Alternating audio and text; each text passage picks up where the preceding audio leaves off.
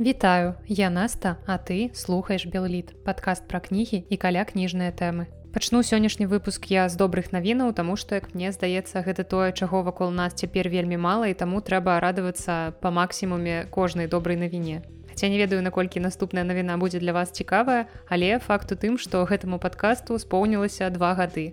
10 красавіка 2020 года. Я запісала першы пілотны выпуск гэтага подкаста і вось сёння вы слухаеце ўжо 68 я б ніколі не падумала што прытрымаюся з гэтай рэччу так доўга таму што калі толькі я пачынала ўсю гэтую справу мне здавалася што падкасты гэта неверагодна складаная рэч. Мне заўсёды было цікава іх слухаць але калі я пачынала ўяўляць сабе нейкі тэхнічны бок гэтай справы то у мяне адразу пачыналася паніка і я ніколі не думала што ўвогуле пачну уласны падкаст. Але як вы бачыце ўжо 68 выпускаў я з вами ўсё атрымалася і гэта дарэчы добрая матывацыя для вас цяпер калі у вас ёсць нейкае жаданне якое вы хочаце выканаць або нейкая справа за якую вы не можете ўзяцца то лічыце што гэта знак гэта магічны штуршок ад мяне я вас падштурхоўваю да таго каб нарэшце ўстаць і пачаць нешта рабіць.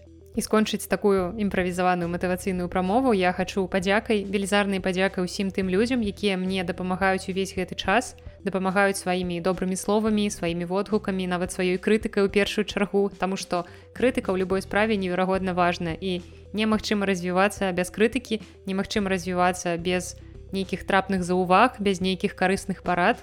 Таму я заўсёды адкрытая да крытыкі вельмі вельмі чакаю ваших водгукаў Ну і стараюся па меры магчымасцю улічваць усе усе ўсе вашыя заўвагі. Таму яшчэ раз дзякую усім, хто слухае, дзякую усім, хто падтрымлівае, дзякую усім, хто піша. Гэта неверагодна для мяне каштоўна.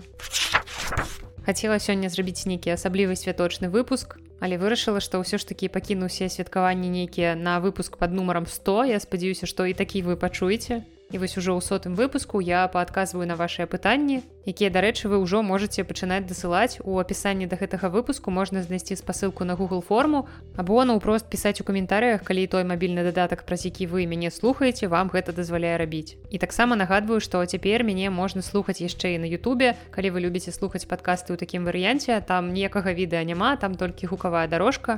Але калі YouTube для вас зручны, вось я для сябе нядаўна адкрыла YouTube прэміум, і маё жыццё стало нашмат лепей цяпер я магу выключаць телефон блокировать экран і відэа будзе працягвацца ў маіх навушніках плюс абсалютна ніякай рэкламы гэта таксама просто дар нябёсаў Таму калі вы аматар Ютубу такога фармату то калі ласка запрашаю вас. Таксама будзе спасылка ў апісанні да выпуску Ну а сённяшні выпуск не нейкі святочны, не нейкі асаблівы, гэта самы звычайны выпуск, у якім я расказваю пра кнігі, якія я чытала ў апошні час. І кнігі будуць як прыемныя, вясёлыя, так і даволі складаныя кнігі на даволі сур'ёзныя тэмы.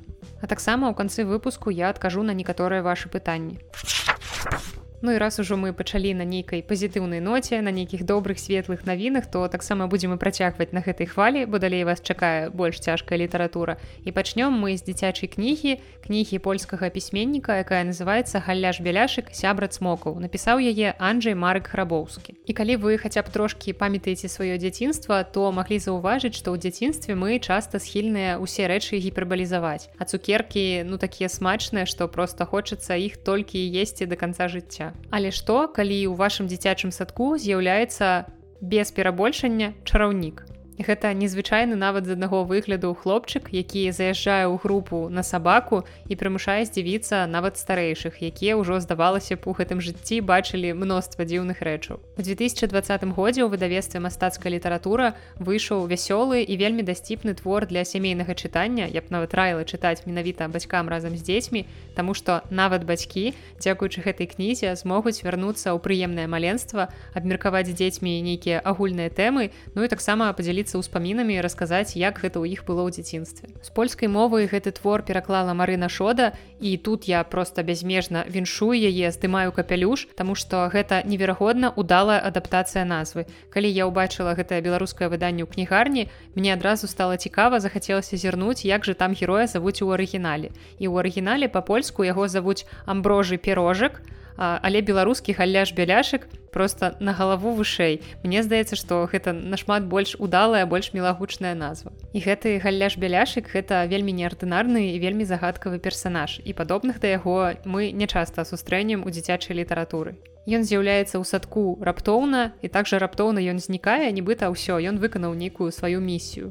У садку выхавацелькам ён кажа, што яго сюды запісалі бацькі і ў дарослых як бы няма падставу яму не верыць, таму яго і прымаюць у групу. Расказвае нам гэтую гісторыю адзін з хлопчыкаў, якога завуць томчык. Ён таксама знаходзіцца ў гэтай групе ў дзіцячым садку і расказвае гісторыю ён нам акурат па просьбе самога бяляшыка. І магчыма, вось гэтае раптоўнае з'яўленне таямнічага загадкавага хлопчыка ў незвычайным адзенні, ды яшчэ з катом у кішэні, яно не выглядала б такім дзіўным, калі б не цуды, якія пачалі здарацца потым. Галляж заўсёды з'яўляецца там, дзе патрэбна яго дапамога, каб растлумачыць дзецям, як сябе паводзіць у пэўных сітуацыях і наадварот, як лепш не рабіць. Каб дзеці, ну і таксама дарослыя, якія будуць чытаць гэтую кнігу, каб яны навучыліся добрым рэчам. Ну і дзеці у прынцыпе вучацца на яго уроках яны нават не разумеюць, якая роля ва ўсім гэтым была ў бялляшыка і галляж дае паносе ўсім зачэпам, прымушаючы іх аказацца на месцы тых, каго яны крыўдзілі. Таму калі ў вашых дзяцей таксама ёсць пэўная праблема, калі ёсць там у школе ў дзіцячым садку нейкія дзеці зачэпы, якія таксама чапляюцца і да іх, то гэта акурат той твор, які варта прачытаць. Увогуле мяркую, што гэтую кнігу можна чытаць недзе пачынаць гадоў з чатырох, паколькі падзеі ў творы адбываюцца ў дзіцячым садку, Але я думаю, што весела прыбавіць час з гэтай кнігай таксама і малодшыя школьнікі і, як я ўжо сказала, таксама дарослыя. І пры ўсёй вось гэтай вясёлай атмасферы твор усё роўна даводзіць дзеткам вельмі важныя рэчы, што ў гэтым свеце мы не адны і паводзіць сябе трэба так, каб ад нашых дзеянняў не было шкоды іншым. І, мабыць, многія дарослыя, на жаль, гэтаму так і не навучыліся, таму што яны дазваляюць тое, што цяпер адбываецца ў свеце. Але я мяркую, што ўсё ж проста гэтыя дарослыя ў дзяцінстве не чыталі добрыя кнігі. Ну а мне часам вельмі не хапае такога бяляшыка ў жыцці, які б мне расказаў, што я раблю не так і як гэтыя рэчы зрабіць лепш. Гэта вельмі вясёлая і, што вельмі важна, вельмі разумная кніга. І вы ў мяне спытаеце, што ж там наконт цмока, якога сябра гэты галляж бяляшык, які сустракаецца ў назве. Пра гэта пра цмока вы даведаецеся, калі ўжо прачытаеце гэтую кнігу. Я пакіну невялічкую інтрыгу. Кніга аздобленая цудоўнымі ілюстрацыямі іх намаляваў Мацей Шманович і дакладна гэтай ілюстрацыі робяць палову поспеху кнігі, паколькі вельмі гарманічна яе дапаўняюць. Вось я чытала твор і разумела, што галляж бяляшык сапраўды выглядае менавіта так і ніяк інакш. Анджей Марык Рабоўскі, галляж бяляшык сябра цмокаў, выдавецтва мастацкая літаратура 2020 год. З польскай мовы пераклала Марына Шода. Другая мастацкая кніга, пра якую я вам сёння раскажу, таксама выйшла ў 2020 годзе. Толькі гэта будзе зусім іншая мастацкая кніга. Магчыма, у нейкім з папярэдніх выпускаў я вам ужо рассказывала пра сваю любоў да скандынаваў, да скандынаўскай літаратуры, асабліва да змрочнай скандынаўскай літаратуры, да нейкіх трылераў, дэтэктываў, І адным з самых вядомых самых яркіх прадстаўнікоў гэтай літаратуры з'яўляецца нарвежскі пісьменнік ЮНЕСБ. першую чаргу ён вядомы як аўтар цыкла пра дэтэктыва Хары Холле. І гэта вельмі доўгі цыкл, у якім мне засталося прачытаць дзве кнігі. І пакуль я іх не дачытала, я вырашыла трохі перакінуцца на іншыя творы пазацыклавыя творы ЮНЕСБ, каб даведацца, ці існуе ўвогуле жыццё па-за цыклам пра Хары Холле. І з такой думкай я пачала чытаць яго нядаўні раман, які называецца каралеўства. І гэта вельмі страшная рэч, у якой нас аўтар прымушае суперажываць розным гаўнюкам. Увогуле гэта адметная рыса творчасці ЮНЕСБ, што ты суперажываеш не самым прывабным прыемным персанажам. Напрыклад, той жа Хары Холля, паліцэйскі алкаш, без якога ты ўжо не ўяўляеш сваё жыццё калі прачытала некалькі кніжак ты просто лічыш яго можна сказаць членам сваёй сям'і табе цікава што ў яго адбудзецца ў наступны момант з якой жанчыны ўрэшце ён застанецца як ён будзе прасоўвацца па працы ён становіцца табе вельмі родным блізкім чалавекам Ну а ў новым рамане каралеўства ЮНЕСБ прымушае нас суперажываць чалавеку, які забіў сабаку. Прычым зрабіў гэта на першых старонках кнігі, так што гэта не будзе ніякім спойлерам. Асноўны сюжэт гэтай кнігі разварочваецца вакол двух братоў, якія выраслі на ферме ў гарах. Бацька іх называў гэтую ферму каралеўствам, вось адсюль паходзіць назва гэтай кнігі. Але чым больш ты чытаеш гэты твор, чым больш ты бачыш апісанняў таго, што там адбываецца у гэтым каралеўстве, тым менш ты разумееш, чаму гэтае месца заслугоўвала такі гучны эпітэт каралеўства. На жаль, два браты гэтыя хлопчыкі вельмі рана сталі сіротамі і жыццё раскідала іх у розныя бакі. Адзін з братоў рой ён ніколі не выязджаў з родных мясцінаў, ён працуе на запраўцы, ён вядзе даволі адзінокі, даволі замкнёны лад жыцця.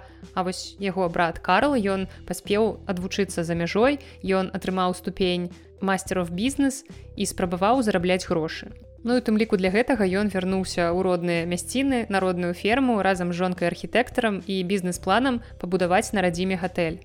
Ну і разам з братам да роя, які ў гэтай кнізе апавядальнік вяртаюцца таксама ўспаміны з дзяцінства і ў гэтым рамане ёсць загадкавыя смерці, але няма такой выразнай дэтэктыўнай лініі. Так што гэты твор абсалютна не падобны да кніг пра хары холля, таму што яны ўсё ж дэтэктывы. Але каралеўства гэта хутчэй трылер. Гэта вельмі цягучы раман, які марудна развіваецца і тут псіхалагічны складнік ён больш важны. Адным з галоўных пытанняў у гэтым творы з'яўляецца тое, што аб'ядноўвае людзей у сям'ю акрамя крыві і як далёка чалавек увогуле можа зайсці дзеля сваёй сям'і таксама цікава што дзеці якія растуць у адной сям'і яны могуць быць просто абсалютна катэгарычна не падобныя адзін да аднаго. Я думаю што вы ў сваім жыцці таксама сустракалі падобныя прыклады. І мяне заўжды цікавіла чаму ўвогуле трэба падтрымліваць адносіны з чужым табе чалавекам просто на падставе нейкай агульнай крыві калі твой родны брат ці сястра ну просто неверагодны чужы табе чалавек калі у вас няма ніякіх агульных тэм акрамя таго што у вас агульныя бацькі. Ну клас. Для мяне гэта асабіста такая даволі даволі цікавая і спрэчная тэма. Таксама калі чытаеш гэты твор пачынаеш задумвацца пра біблейскія матывы таму што з першых сторонак калі аўтар апісвае адносіны паміж братамі ты пачынаеш гэта адчуваць. Потым несбе яшчэ і раскрывае поўныя імёны герояў. Аднаго завуць карл абель обгард другога завуць рой калвин обгард калвин і абель Нешта тут такое знаёмае прасочваецца. І сапраўды Карл і Рой часам нагадваюць біблейскіх каіна і авеля, але ў іх адносінах часам сустракаюцца моманты супрацоўніцтва, якія ўсё роўна потым перакрэсліваюцца рэўнасцю, недаверам адзін да аднаго. І такія адносіны вельмі цяжка назваць нейкай братэрскай любоўю. Хутчэй за ўсё Рой адчувае сябе абавязаным ахоўваць свайго брата і з дзяцінства ён быў ратавальнікам ён быў абаронцам і акрамя таго іх адносіны замацаваныя яшчэ вельмі бруднымі сакрэтамі мінулага Ну і разам з такой агульна біблейскай алюзіяй мне на думку прыйшлі яшчэ і літаратурныя алюзіі я вельмі параўноўвала гэты твор з раманам за East of Eden Джона Стэнбіка. Таму калі вы чыталі Стэнбіка, то я вам раю пачытаць Несбю або калі наадварот вы ўжо прачыталі гэты раман Несбю, я вам раю звярнуцца таксама і да Стэнбіка.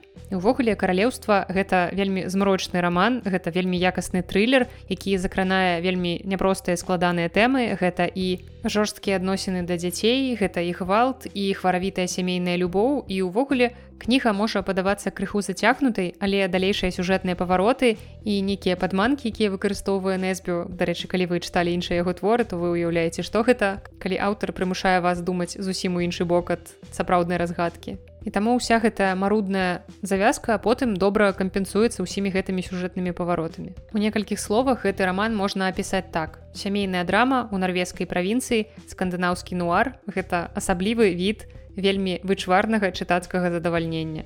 Дзякуй Несбе, што ты нам адкрыўся з такога нечаканага боку не толькі дэтэктыўнага. Цяпер мы перайдзем да літаратуры не мастацкай і зноў вяртаючыся да нейкіх больш пазітыўных тэм мы пагаворым пра кнігу якая выйшла ў 2012 годзе яна называется искусства пракрасцінацыі напісаў яе Джон Пэры Я люблю глядзець супергеройскае кіно толькі я не люблю дзесі я аддаю перавагу марвел але таксама мне здаецца што і я ў пэўнай ступені супергерой. І моя суперсіла заключаецца ў тым што я умею нічога не рабіць але каб іншыя людзі былі упэўненыя што я супер неверагодна прадуктыўны чалавек. І сёння раз у нас ужо такі крыху святочны выпуск я буду раскрываць вам усе карты раскажу сакрэт маёй паспяховасці які заключаецца ў двух словах. Упарадкаваная пракрастынацыя Я думаю, што слова пракрастынацыя для вас не новая. Усе чулі, усе вельмі часта выкарыстоўваюць і ўвогуле у навуцы гэты тэрмін з'явіўся недзе ў 70-е гады мінулага стагоддзя. Але апошнія дзесяцігоддзі, як вы маглі таксама назіраць, гэта заўважны росквіт папулярнасці гэтага слова, яго ўсе выкарыстоўваюць да месца, не да месца. І калі патлумачыць простымі словамі, то пракрастынацыя гэта схільнасць да таго, каб адкладваць нават важныя і вельмі тэрміновыя справы. І хтосьці скажа, што пракрастынатары гэта проста лянівыя лайдакі, якія знайшлі сабе адмазку. Але Джон Пэры ў гэтай кнізе даводзіць, што пракрастынацыя гэта сапраўднае мастацтва. Упарадкаваны пракрастынатар гэта чалавек, які паспявае зрабіць многае, не робячы чагосьці іншага. І цяпер я раскрываю перад вами карты перад усімі тымі, хто лічыць, што я неверагодна прадуктыўны чалавек, Я раблю многае замест таго, каб рабіць нешта іншае больш важнае. У кнізе Пэры прыводзіць цытату выдатную, як па мне цытату амерыканскага журналіста Роберта Бэнчлі, якая гучыць так. Любой человек способен выполнить любое количество работы при условии, что это не то, что он должен делать в настоящий момент. Мне падаецца, што гэтую фразу можна зрабіць дэвізам у барадкаваных пракрастынатараў. Таксама ў кнізе аўтар падзяліўся гісторыя, як пракрастынацыя дапамагала яму эканоміць час і траціць гэты час на больш прыемныя задачы. Кроме того, прокрастинация позволила мне отказаться от идеи сделать что-то совершенное, когда задача особого совершенства не требовала. Теоретически, на это дело у меня была масса времени. Я мог пойти в библиотеку или запереться в домашнем кабинете и написать основательную, академически выверенную, идеальную рецензию на рукопись. Но когда сроки уже поджимали, времени на совершенную рецензию не осталось. Пришлось просто сесть и написать не идеальный, но вполне адекватный отзыв. Когда перфекционистские фантазии сменились видениями полного провала, я наконец-то взялся за дело. В итоге все сложилось хорошо. Я згодная з тым, што ёсць задачы, якія, магчыма, вам масу задавальнення не прынясуць, але гэтай рэчы неабходна зрабіць і сапраўды часам не трэба на гэта выдаткоўваць процьму часу. Я зразумела, што гэта вельмі блізкая мне стратэгія, якой я перыядычна карыстаюся. Кніга гэтая зусім невялічкая, тут усяго 124 старонкі яна кішэннага фармату, там шмат ілюстрацый і чытаецца яна літаральна за гадзіну але зразумела што такой кнігай пэры не прэтэндуе на навуковасці на нейкую сур'ёзнасць. Гэта вельмі лёгкае вельмі ненапружнае чытво і гэта не той нанфікшн які варта перачытваць які я буду перачытваць. Я ўжо дарэчы пазбавілася ад гэтай кнігі пасля таго як яе прачытала гэта хутчэй невялічкі такі забаўляльны тэкст для тых хто адчувае еднасць з паняццем пракрастынацыя або можа быць наадварот хоча крыху больш зразумець людзей якія часта гавораць пра сябе што яны пракрастынатары. Вельмі прыемна калі нейкія твае ірацыянальныя недахопы рацыяналізуюцца, аналізуюцца, апраўдваюцца тым, хто мае падобныя праблемы і ведае, пра што піша. У кнізе сапраўды нават на такі невялічкі аб'ём ёсць карысныя парады, як з хаатычнага пракрастынатара ператварыцца ў пракрастынатара упарадкаванага і каб зрабіць сваю пракрастынацыю больш прадуктыўнай. Карацей, аўтар не навучыць вас, як перастаць займацца пракрастынацыяй, але навучыць, як зрабіць яе карыснай. Так што давайте нармалізуем пракрастынацыю і проста перастанем яе саромецца. І лічыць, што пракрастынацыя гэта лянота або проста нежаданне штосьці рабіць. Ізноў опускаемся на самае дно на самае дно гэтым разам чалавечай псіхікі. І зараз я раскажу вам пра кнігу, пра якую вы ўжо ад мяне чулі у адным з папярэдніх выпускаў, калі я падводзіла свае чытацкія вынікі мінулага года і гэтая кніга была ўтопія найлепшага прачытанага нон-фікшана. І вось нарэшце сёння вы даведаецеся, што гэта за кніга такая, чаму яна мне так спадабалася. Кніга называется псіхапаты даставерны расказ о людзях без жаласці, без совесці, без раскаяния і напісаў яе кент кіл. Я заўважыла, што людзі вельмі любяць праходзіць вельмі дзіўныя і у асноўным вельмі бессэнсоўныя тэсты проста дзеля таго, каб павесяліцца. Напрыклад, хто вы у свеце гары потара або якое ваша татэмнае дрэва або які вы горад Еўропы. Я думаю, што ў рэальным жыцці вам наўрад ці спатрэбіцца веды пра тое, што ваш патронус гэта леса, а ў свеце гары потара вы прафесор Макгонагал. Але калі б вы сустрэліся з кентам кілам, то ў першую чаргу ён прапанаваў бы вам прайсці сапраўды важны тэст. І ён называецца ацэначны ліст псіхапаты і хайера. І гэта той самы вядомы апытальнік, які выкарыстоўваюць для таго, каб вызначыць узровень псіхапатыі. Яго стварыў канадскі псіхіятр Роберт Хайер. У гэтым тэсце 20 пунктаў, адказы на якія дазваляюць вызначыць ступень псіхапатычнасці чалавека. І гэта вельмі стандартны тэст, згадку якога вы ў гэтай кнізе сустрэнеце неаднаразова. Аўтар кнігі, прафесор псіхалогіі нейранавук і права Кент Кіл ужо шмат гадоў працуе з псіхапатамі і часцей за ўсё гэта людзі, якія ўтрымліваюцца ў турмах. І ў сваёй працы кіл у тым ліку выкарыстоўвае гэты тэст хайера. І гэта адзін з нямногіх тэстаў, вынікі якога сапраўды могуць паўплываць на вашае жыццё у адрозненне ад тэстаў, які вы з гарадоў Еўропы. Кен Кіл першым паказаў, што псіхапатыя і антысацыяльныя паводзіны, якія заўсёды суседнічаюць з псіхапатый, гэта несвядомы выбар чалавека, таму што мозг псіхапата адрозніваецца ад мозгу звычайнага чалавека. Бо многія людзі ўвогуле з гэтай тэмай знаёмыя слаба і гэта не дзіўна, гэта нядрэнна просто таму, што з гэтым мы не сустракаемся ў паўсядзённым жыцці вельмі часта. І таму гэта не нейкая абсалютна нармальная звычайная для нас рэч. Ну і таму многія людзі лічаць, што псіхапатыя гэта адна з рысаў характару чалавека, маўляў, просто гэты чалавек такі злосны мудак і таму ён так вось робіць.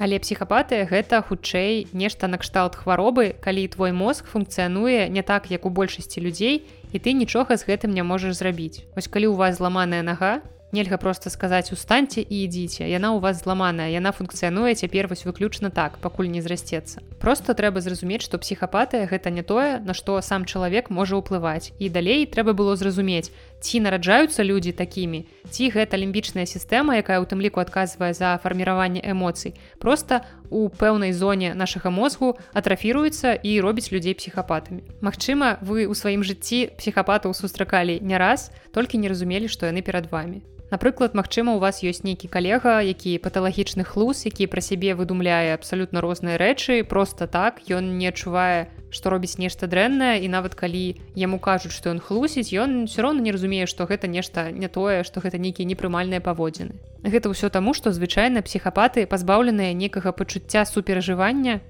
нават пэўнай эмпатыі яны не адчуваюць віны за тое, што робяць. І часам здаецца, што яны абсалютна не хвалююцца, што зрабілі нешта дрэннае і абсалютна не цікавяць іх наступствы таго, што яны зрабілі. І даследаванні з дапамогай МРТ паказалі, што сітуацыі, якія ў нармальных людзей выклікаюць пэўныя эмоцыі, пэўныя эмацыянальныя перажыванні, яны абсалютна не ўплываюць на псіхапатаў, у якіх у пэўных зонах мозгу проста фіксуецца дэфіцыт актыўнасці. Падчас працы ў кіла было вельмі шмат паддоследных і дастаткова сучасныя тэхналогіі для даследаванню. Ён рабіў МРТ вязням наўпрост у турмах і адно апісанне таго, як увогуле ў яго гэта атрымалася, сапраўды ўражвае. Неверагодна цікавыя часткі кнігі з гісторыя пра тое, як спачатку кіл шукаў апарат МРТ, а потым як ён спрабаваў правесці усталяваць гэты апарат у турму і ў яго гэта атрымалася. Таксама ў гэтай кнізе закранаецца вельмі важнае этычнае пытанне, бо рэч у тым, што дзякуючы МРТ псіхапатыю можна выявіць яшчэ ў самым глыбокім дзяцінстве калі бацькі пачынаюць заўважаць што нешта не так у паводзіных іх дзяцей што іх ёсць праблемы з сацыяльнымі сувязямі або нейкая нематываваная агрэсія ў адносінах да іншых дзяцей. І тады дзяцей можна прыводзіць на абследаванні. Такія прэвентыўныя меры яны дапамогуць пазбегнуць цяжкіх злачынстваў у будучыні. Але этычнае пытанне ў тым што ці гатовыя бацькі да таго што на дзяцей з маленства павесіць гэтыя цэтлікі псіхапата. Хутчэй за ўсё пераважная большасць бацькоў будзе сваіх дзяцей абараняць будзе ігнараваць відавочна і ну мы не можемм іх у гэтым асуджаць. І на жаль хаця кіл знайшоў прычыну праблемы але ён пакуль не прыдумаў як гэтую праблему вырашыць. У кнізе апісваецца праграма рэабілітацыі якая была створаная для таго каб дапамагаць людзям з падобнымі праблемамі і здаецца яна нават нядрэнна працавала але потым ім паменшылі фінансаванне і як бы ўсё там стала дрэнна акрамя якасці тэарэтычнага матэрыялу я таксама магу адзначыць і якасць уласна самога тэксту. Бо кіл піша вельмі лёгка піша з пачуццём гумару ён не саромеецца дадаваць у такі няпросты тэкст жарты і гэта дапамагае крыху прасцей ставіцца да таго пра што ты чытаеш. Кніга захапляе з першых старонак на першых старонках аўтар расказвае пра самы пачатак сваёй кар'еры. Ён апісвае як упершыню трапіў у турму прычым гэта была даволі жорсткая турма і гэта вельмі інтрыгуе нібыта ты чытаеш не псіхалагічны нон-фікшн а нейкі вострасюжэтны трылер. Мы знаёмімся з некаторымі паддоследнымі кіла ён расказвае якім чынам ён іх даследуе і там вельмі каларытныя персонажы Тры асноўныя кампаненты кнігі гэта аўтабіяграфія аўтара, якая нам дазваляе сачыць за развіццём яго кар'еры, таксама працэс даследавання вывучэння псіхапатаў і апісанне навуковага працэса, звязанага з вывучэннем псіхапатый увогуле. Нас вельмі прыцягваюць, прывабліваюць гісторыі пра псіхапатаў, нібыта гэта нешта вельмі захапляльнае, нават трошкі забароненае, нешта, што выходзіць за рамкі сацыяльных норм, бо гэта неверагодна цікава, што нехта можа здзейсніць злачынства, і потым з грызоты сумлення яго абсалютна не будуць мучыць. Яму не будзе страшна ён не будзе думаць пра тое што ён зрабіў нешта дрэннае. А часта яшчэ гэтыя злачынствы здзяйсняюцца абсалютна без нейкіх матываў. Толькі рэч у тым што гэта зусім не весела таму што псіхапатыя гэта цяжкае расстройства пры якім нельга просто сказаць чалавеку перастань быць мудаком Ну, я вам ужо прыводзіла прыклад з зламанай нагой нельга просто сказаць назе ну-ка давай зрастайся Гэта працэс, які займае пэўны час і розніца ў тым, што нагу мы можам сунуць у нейкі гіпс і проста чакаць, калі яна сама там прыйдзе ў норму, але наш мозг, на жаль, працуе не так проста. І адно з важных вялікіх пытанняў, якое ўзнікае, калі ты чытаеш гэтую кнігу, ўсё ж такі прырода ці выхаванне самыя вядомыя серыйныя маньякі забойцы яны нарадзіліся або сталі такімі і на жаль у гэтай кнізе кент кіл адназначнага адказу не дасць але ён прывядзе доказы у абарону абедзвюх гіпотэз Псіхапат можа вырасці пад уплывам вельмі жорсткіх, вельмі дэспатычных бацькоў, але чаму тады яго брат, яго сястра родныя, якія жылі з ім разам, так жа выхоўваліся, чаму яны не вырастаюць такімі ж. І дарэчы, гэта ў дадатак да кнігі ЮНЕСБі, пра якую я рассказывала раней. І таксама я раней адзначала, што псіхапатыя можа быць парушэннем у лімбічнай сістэме. Таму і умовы жыцця і умовы выхавання могуць стаць каталізатарамі для нашай лімбічнай сістэмы. Таму калі вам цікавая псіхалогія, калі вам цікавая псіхапатыя, калі вам цікава, што адбываецца ў галаве ў такіх людзей, але нейкія навуковыя кнігі вам падаюцца складанымі перагружанымі тэрміналогіяй, то для пачатку вось гэтая кніга будзе ідэальнай. Бо інфармацыя выкладзеная абсалютна даступнай мовай. Кніга не перагружаная складанымі дэталямі, абсалютна рыдар-фрэндлі. І гэта адна з найлепшых кніг нон-фікшн, якую я чытала ў мінулым годзе. А цяпер тая рубрыка ў маім падкасці, якую я ведаю, вы вельмі любіце вельмі чакаеце. Я вам сёння раскажу пра кніжныя навінкі папярэдняга месяца, кніжныя навінкі сакавіка. Пачнём мы з выдавецтва Янушкевіч, у якога ў сакавіку было дзве навінкі. Адна не зусім навінка, гэта перавыданне, абноўленае выданне з новай рэдактурай з новай карэктурай і гэта кніга Алексея Шейна сем камянёў. Гэта такое дзіцячае падлеткавае фэнтэзі. Гэтую кнігу я чытала калісьці вельмі даўно, калі яна толькі выйшла першае выданне, нават не памятаю, якіх это быў год і яна мне вельмі не спадабалася. Не хачу пакуль тут расказваць падрабязней, Мачыма, я перачытаю новае выданне змяню сваё меркаванне, але першае мае ўражанні ад кнігі былі хутчэй адмоўныя. І другая кніга, якая ў сакавіку выйшла ў выдавецтве Янушкевіч, гэта ўжо сапраўдная навінка. Гэта магабхарата, выбраныя аповеды, кніга перакладзеная санскрыту ігарам куліковым. І ў гэтай кнізе сабраныя 23 аповеды з першага вялікага эпасу Індыі. І гэта такое чытанне на аматара, чытанне для тых, хто разбіраецца ў тэме. Наклад у кнігі невялікі, таму калі вы яшчэ не купілі, але вы цікавіцеся тэмай, то раю вам паспяшацца. Здаецца нешта каля 160 асобнікаў кнігі ўсяго было. Таму усе спасылкі на пакупкі кніг, пра якія я сёння кажу, я пакіну апісанне да выпуску. Можаце пасля таго, як даслухаеце, бегчы адразу ўсе гэтай кнігі купляць. Ну ці не ўсе, а лепш тыя, якімі вы сапраўды зацікаві цікавіцеся. А далей мы пагаворым пра калабарацыю выдавецтва Янушкевіча выдавецтва пляумбаум жаночай выдавецкай ініцыятывы. У іх разам сумесна выйшлі дзве кнігі. Першая кніга гэта зборнік вершаў вальжыны морт, песні для мёртвых і ў васкрэслых і гэта паэтычны зборнік які ўжо атрымаў мноства ўзнагарод бо першапачаткова гэтая кніга выйшла на англійскай мове. І вось толькі ў сакавіку гэтага года мы ўбачылі беларускі пераклад. Ці можа нават арыгінал? Не ведаю. Цікава вось вальжы напісала першапачаткова па-англійску ці ўсё ж па-беларуску. Зборнік гэты я таксама ўжо прачытала Мачыма раскажу вам у адным з наступных выпускаў але я не той каб вялікая фанатка творчасці вальжыны. Мяне хутчэй зачароўвае тое як яна сама чытае свае вершы Але да ўласна яе творчасці мне падаецца, што я яшчэ не дарасла, не даспела. І другая навінка ў калабарацыі Фляумбаум Янушкевіч, дарэчы, класная было б двойное прозвішча. Дык вось другая навінка гэта кніга Навальса Адаві, гэта егіпецкая пісьменніца і яе аповесць жанчына на нулявым пункце. Саадаві памерла ў мінулым годзе, яна была вядомая як абаронца правоў жанчын, і кніга акурат закранае гэтую тэму. У якасці псіхіятркі Саадаві сустракалася ў турме з адной жанчынай, якая была асуджаная на пакаранне смерцю за тое, што забіла чалавека. І яна пагадзілася Саадаві расказаць гісторыю свайго жыцця і Саадаві ўсё гэта запісала і ператварыла ў кнігу. Кніга выйшла на многіх мовах і вось цяпер мы можам гэта прачытаць па-беларуску. Кніга не вельмі аб'ёмная кішэннага фармату чытаецца даволі хутка. Я ўжо пачала яе чытаць і гэта сапраўды вельмі страшнае чытанне. Я асабліва страшна мне падаецца будзе чытаць яго акурат жанчынам. Таму будьце гатовыя але кнігу пакуль што я магу раіць. Калі дачытаю то вядома ж раскажу вам пра яе падрабязней.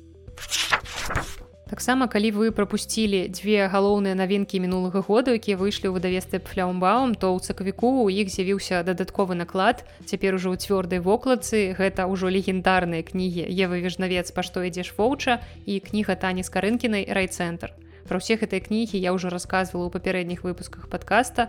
Мая гарачая рэкамендацыя раю абедзве яны вельмі розныя, але аднолькава цікавыя. Адна больш пазітыўная, гэта кніга з карынкіна і другая больш змрочная. Гэта кніга вежнавец, але, як я кажу, абедзве аднолькава цікавыя, таму чытайце абедзве. Наступнае выдавецтва якое нас парадавала навінкай гэта выдавецтва кнігаспор і там выйшла кніга надзея ясмінская кусь кусяндра з ілюстрацыямі святланы міхалап. Гэта цудоўная дзіцячая кніга якую я вам вельмі раю. Я рассказывала пра яе ў папярэднім выпуску так што абавязкова паслухайце і кнігу прачытайце.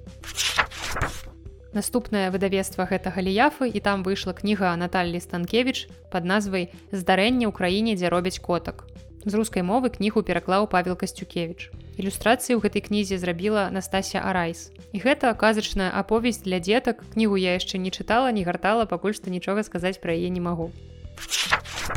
Насамрэч мінулы месяц не вельмі багаты быў на навінкі. Наступнае выдавецтва гэта тэхналогія. І там выйшла кніга юрыя несцярэнкі неверагодны свет. Дзіцячыя загадкі рыфмаванкі на беларускай мове гэта кніга у якой змешчаная 180 аўтарскіх загадак вельмі цікавае карыснае выданне з прыгожымі ілюстрацыямі таксама раю вам звярнуць увагу. Кніга прыгожая папера крыдаваная матавая ўся кніга ў каляровых яркіх ілюстрацыях так што будзе вельмі карысна дзеткам паразгадваць загадкі. Ну і зараз будзе цэлы стос кніжак. Наступнае выдавецтва гэта выдавец зміцер колас які парадаваў безумоўна чытачоў у сакавіку але на жаль наклады амаль усіх кніжак былі настолькі малыя што многім як бы кніжкі не дасталіся. Але я ўсё роўна агучу што за кніжкі ён выдаў каб вы ведалі што такія кніжкі выйшлі яны ёсць. У прынцыпе можна пастарацца іх пашукаць І першы стос кніг ад Дмітра коласа складаецца з серыі паэты планеты, у якой выйшлі зборнікі вершаў Герыт Ахтарберг, пераклад Лявона баршчэўскага, таксама нагапет кучак, пераклад зноў жа Лявона баршчэўскага і вершы Івана Буніна ў перакладзе Георгія Ліхтаровича. Наступны стосік невялічкі гэта дзіцячы стосік і там мы ўбачым дзве кнігі Тува Янсен, чарадзейная зіма і ў канцы лістапада у перакладзе Алесі башарымавай. Раней у выдавестве з метраколаса ўжо выходзілі кнігі Тува Янсен, таму калі вы збіраеце серыю можете пашукаць і гэтыя кнігі. Далей невялічкі стосік з тых кніг якія ўжо збіраю я. Гэта працяг выдання твораў франца кафкі гэтым разам выйшаў асобным выданнем замак і зніклы гэта трэці і чацвёрты том выбраных твораў кафкі якія з двадцатого года выходзіць у выдавестве з метраколаса у перакладзе лявона баршчэўскага. І дарэчы у адным з наступных выпускаў я вам раскажу пра роман франца кафкі працэс гэта будзе цэлы асобны выпуск падрыхтуйцеся да даволі змрочнай тэмы і да таго ж даволі балючай бо вельмі актуальнай. Ну і апошняя кніга якой нас парадаваў зміцер колас гэта нарэшце беларускае выданне рамана владимира някляева гэй бен геном І шчыра кажучы мне больш падабаецца вокладка польскага выдання якое я акурат маю ў папяровым выглядзе якое я нават пачала чытаць але з усімі гэтымі трагічнымі падзеямі адклала бо зашмат у гэтай кнізе было трыгераў але спадзяюся што ў хуткім часе я ўсё ж таки змагу вярнуцца да чытання романа някляева бо з першых старонак ён ну сапраўды вельмі моцна зацягнуў. Так што калі у вас ёсць магчымасць здабыць гэтую кнігу то гэта я думаю варта зрабіць і каб яшчэ крыху заняць ваш эфірны час я паадказваю на пытанні якія я атрымлівала у сябе ў нстаграме я павесіла спецыяльную форму для таго каб вы задалі пытанні. Ну і таксама некаторыя пытанні атрымала ў google форме. І першае пытанне як на сёння адчувае сябе сучасная проза і паэзія ці ёсць што вартая пра апошнія сумныя падзеі? І тут мне здаецца трэба ўдакладняць пра апошнія сумныя падзеі гэта зусім апошнія або тыя сумныя падзеі які ў беларусі адбываюцца на працягу апошніх 20 з нечым там гадоў Але хутчэй больш за ўсё на апошнія сумныя падзеі на апошнія зусім апошнія адгукаецца вядома ж украінская літаратура. І калі вам хочацца за гэтым сачыць, то вельмі раю вам у тэлеграме падпісацца на канал Андрэя Хадановича, я пакіну спасылку ў апісанні да выпуску. Таму што Андрэя вельмі аператыўна рэагуе на украінскую сучасную паэзію і перакладае вельмі аператыўна перакладае гэтыя творы. Ну а пераклады Андрэя хадановича зразумела гэта заўсёды знак якасці. Так што я б вам раіла хутчэй звяртацца не да беларускай прозы ці паэзіі ў святле гэтых апошніх падзей а акурат да скажем эпіцэнтра падзей да украінскай паэзіі і мне вельмі балюча і вельмі страшна асэнсоўваць тое што у такія страшныя змрочныя часы могуць нараджацца такія літаратурныя творы што магчыма светлыя часіны нам не дораць такой колькасці таленавітых людзей такой колькасці моцных выказванняў у адрозненне ад нейкіх змрочных часоў калі нейкія чалавечыя ўсе якасці ўсе таленты праяўляюцца напоўніцу Ну і дарэчы я вам ужо абяцала што зраблю асобны выпуск пра украінскую літаратуру і акурат зараз я займаюся шчыльненька яе вывучэннем. Я чытаю творы якія мне параілі украінцы я запытвала ў нстаграме што можна пачытаць сучаснай літаратуры. Акрамя таго што я ўжо чытала ўжо ведаю і мне нараілі просто процьму выдатных твораў плюс у мяне даволі вялікая колькасць папяровых выданняў ёсць у асабістай бібліятэцы. Таму спадзяюся што я з гэтым не зацягну і дарэчы можа быть вам хацелася б каб я не рабіла прям цэлы асобны выпуск а дадавала да кожнага звычайнага выпуску одну-дзве украінскія кнігі свеженькія мае нейкія ўражанні адчуванні пра кнігі якія я толькі што прачытала Ну і наступнае пытанне яно сугучнае з першым пра пераклады украінскіх пісьменнікаў на беларускую і наадварот што ёсць пачытаць. Ну і акрамя таго што я зраблю вам агляд украінскай літаратуры якую я прачытала я таксама раскажу пра тое што можна пачытаць з украінскіх аўтараў па-беларуску акрамя Сергея жадана. Таму сачыце не абяцаю што гэта будзе ўжо ажно ў гэтым месяцы але я буду старацца зрабіць гэта як мага хутчэй. Наступнае пытанне хутчэй не пытання прапанова як наконт агляду якой-небудзь замежнай прэміі кшталту неб'юлы або х'юга для тых хто не ведае гэта галоўныя літаратурна фантастычныя прэміі. І я подумала што ўвогуле было б цікава зрабіць нейкі выпуск пра літаратурныя прэміі ў свеце наогул пра прэмію нобелеўскую пра нейкія букерускія пуліцарускія прэміі таксама пра х'юга і неп'юла тому што ў сваёй галіне гэта самыя ўплывовыя прэміі. Можа быть зраблю асобны выпуск у якім раскажу пра лаўрэатаў мінулагодніх гэта я думаю было б цікава. Мачыма мне давядзецца нешта падчытаць да гэтага выпуску таму таксама гэта будзе не вельмі хутка. Таксама Мачыма не ўсе кнігі з тых што сталі лаўрэатамі яны перакладзеныя на вядомыя мне мовы ці нават з такім удакладненнем на вядомыя мне мовы на якіх я магу ў прынцыпе даволі хутка чытаць. Такія як беларуская украінская руская або польская Ну ці давядзецца ўсё ж чытаць па-англійску гэта я таксама магу няхай і не так хутка як на папярэдніх мовах. Але ўсё ж такі дзеля вас ну і як дзеля цікавасці мне самой хочацца паглядзець што ж там было цікавага за што ўручаліся прэміі ў мінулыя гады. Бо ўсё ж пра беларускія прэміі я вам даволі шмат расказваю і хацелася б паглядзець крыху шырэй паглядзець што там адбываюцца ў свеце якія прэміі ёсць там і за што яны ўручаюцца. а Наступнае пытанне пытанне на перспектыву як піша аўтар пытання. Янушкевич друкуецца ў літве. Ці можна там купляць іх новыя кнігі На жаль сістэма такая што выдавецтва друкуецца там але не заўсёды можа прадаваць кнігі ў іншых краінах Таму што кнігі пасля таго як надрукаваныя ў друкарні яны адразу транспартнай кампаніі перапраўляецца ў Беларусь. І на тэрыторыі літвы няма ніякага чалавека прадстаўніка распаўсюдніка які мог бы гандляваць кнігамі выдавецтва. Так што калі вы жывяце за мяжой вы можете просто заказваць дастаўку кніг з беларусі. Я разумею што гэта атрымліваецца даволі вялікая сума за дастаўку але ж калі цікавасць сапраўды ёсць то можна так рабіць і дарэчы дастаўляе не толькі выдавецтва нушкевич таксама іншыя нашыя выдавецтвы яны дастаўляюць кнігі за мяжу Наступнае пытанне, якое я атрымліваю ледзь не кожны дзень, але вось нарэшце атрымала яго афіцыйна ў пытаннях для падкаста і таму вымушаны на яго адказваць. Як у вас атрымліваецца чытаць шмат кніг адначасова. памяць ці перачытваеце, што было. Для мяне заўсёды чытаць шмат кніг адначасова гучала так, нібыта я чытаю сказ з адной кнігі, адразу бяру другую кнігу, чытаю сказ яе, таксама я бяру трэцюю кнігу і карацей так вось 5 кніг адразу. Ну мне здаецца, што ва ўяўленні людзей гэта выглядае прыкладна так. Але насамрэч я скончыла філфак. Я шмат гадоў вельмі шмат просто невыносна шмат гадоў я не трэба было столькі гэта рабіць. Карацей шмат гадоў я вучылася на філфаку і там мы чыталі процьму кніг. У нас было звычайна тры экзамены або тры залікі, або часткова залікі частковыя экзамены, па трох літаратурах. Гэта руская беларуская і замежная. І да кожных экзаменаў або залікаў у нас быў спіс літаратуры які складаўся з аркуша а4 спісанага з двух бакоў. Гэта былі як мастацкія творы так і нейкія навуковыя падручнікі дапаможнікі іх і так далей. Так што чытанне некалькіх кніг адначасова было просто неабходным калі ты вучыўся на філфаку. Ну і не магу сказаць што гэтая прывычка ў мяне засталася з тых часоў просто ёсць сітуацыі у якіх я магу чытаць пэўныя кнігі а ёсць сітуацыі у якіх я іх чытаць не магу. Напрыклад, зараз у мяне стабільна ёсць дзве кнігі, якія я чытаю паралельна. Так што не буду называць гэта адначасова, скажу паралельна. Адну кнігу, напрыклад, я чытаю ў папяровым выглядзе і там, дзе мне зручна чытаць папяровую, я цягаю з сабой яе. Але часам мне проста хочацца легчы пад коўдру, і там ужо папяровую кнігу не пачытаеш тады я бяру свой кіндл і мне з кіндлам вельмі зручна. Або таксама гэта можа залежыць не ад таго зручна ці нязручна чытаць ці ёсць там асвятленне ці няма бо калі няма асвятлення зразумела лепш чытаць кіндл з падсветкай. Ёсць яшчэ такія сітуацыі калі просто едучы ў метро я не магу чытаць сур'ёзную навуковую кнігу дзе мне трэба рабіць нейкія пазнакі адразу нешта записываць ляпіць розныя налепкі метро для мяне напрыклад гэта цудоўнае месца дзе я магу чытаць нейкую мастацкую літаратуру. А потым ужо вечарам калі я прыязджаю з працы дадому я магу сесці за свой рабочы стол разгарнуць кнігу і ўжо чытаць іншую кнігу не тую што я чытала можа быть там гадзіну таму у метро.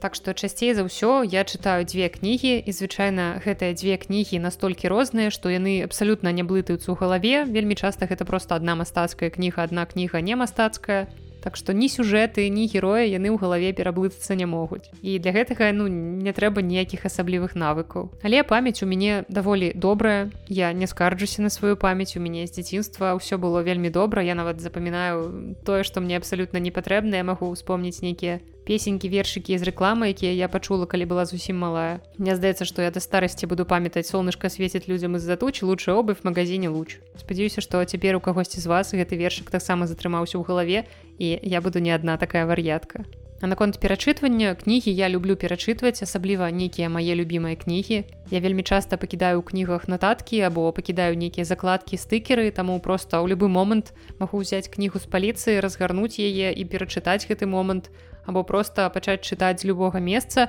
і знайсці нейкія новыя месцы якія мяне прывабіць таксама іх адзначыць закладкамі або стыкерамі А яшчэ аднойчы мне задалі пытанне пра тое як я прадумваю структуру выпуску як я разумею наколькі доўгі ён мусіць быць калі я разумею што трэба спыніцца. І вось цяпер усё вельмі проста магу вам патлумачыць калі я разумею што я ўжо просто стамілася гаварыць. Вось яна адказвала на некалькі пытанняў і зразумела што мне ўжо цяжкавата нешта новае вам сказаць таму я вырашыла што вось самы момант цяпер скончыць гэты выпуск. Тым больш што на гадзінніку ўжо 2346 яшчэ ў мяне зараз будзе час на тое каб гэты выпуск зманціраваць звычайна я манцірую ну амаль адразу пасля таго як выпуск скончу. Рэдка адкладваю гэта на потым бо монтаж гэта больш медытатыўны занятак Таму я не стамляюся падчас яго наадварот зараз пасля такога эмацыянальна напружанага выпуску я буду за монтажом адпачываць. І я нагадваю, што спасылкі на ўсе кнігі, пра якія я рассказывала сёння будуць у апісанні да выпуску і таксама там жа вы знойдзеце Google форму, у якую можете дасылаць свае пытанні, нейкія маленькія пытанні асабістыя або нейкія сур'ёзныя грунтоўныя літаратурныя пытанні, я пагляджу на што я магу адказаць у наступных выпусках а што я наадварот захаваю да сотага выпуску да больш вялікага грунтоўнага выпуску з адказамі на пытанні. А можа быць нехта з вас сваім пытанням мяне натхніць на асобны выпуск такое таксама бывае. Ну і чакайце наступныя выпускі магу анансаваць некалькі як я уже сказала я вам раскажу пра роман франца кавкі працэс таксама адзін з няпростых выпускаў хутчэй за ўсё гэта будзе наступны выпуск пра кнігу Васіля быкова знак бяды таксама у мяне ў планах расказваць вам пра украінскіх аўтараў таксама уже давно абяцала вам расказаць пра польскую літаратуру. Таму заставайцеся на сувязі. Два гады мы з вами разам. Дарэчы цікава напишитеце ў каментарыях хто мяне слухае з першага выпуску або ці ёсць сярод вас той хто праслухаў усе выпуски подкаста бо на выходных я сустракалася з адным сваім знаёмым прывітанне лёша. Мы даўно знаёмыя вось ён слухае мой падкаст. І на выходных ён мне сказаў што 50 гадзінаў ужо правёў з маім голасам у вушах. І гэта канешне гучыць даволі страшна але гэта вельмі прыемна. Так што раскажыце як доўга вы слухаеце гэты падкаст. Лічыце што гэта будзе ваш падарунак на два гады гэтага падкаста калі вы раскажаце пра тое як даведаліся пра падкаст як доўга вы яго слухаеце і колькі выпускаў вы ўжо праслухалі. А можа быть нехта ўжо тры разы паслухаў усе выпускі. Таксама пішыце будзе мне цікава і прыемна даведацца. Ну а на сёння гэта ўсё. З вами была наста і падкаст белліт да сустрэчы. І калі-небудзь магчыма я прыдумаю нейкае больш арыгінальнае развітанне але пакуль жывіце з гэтым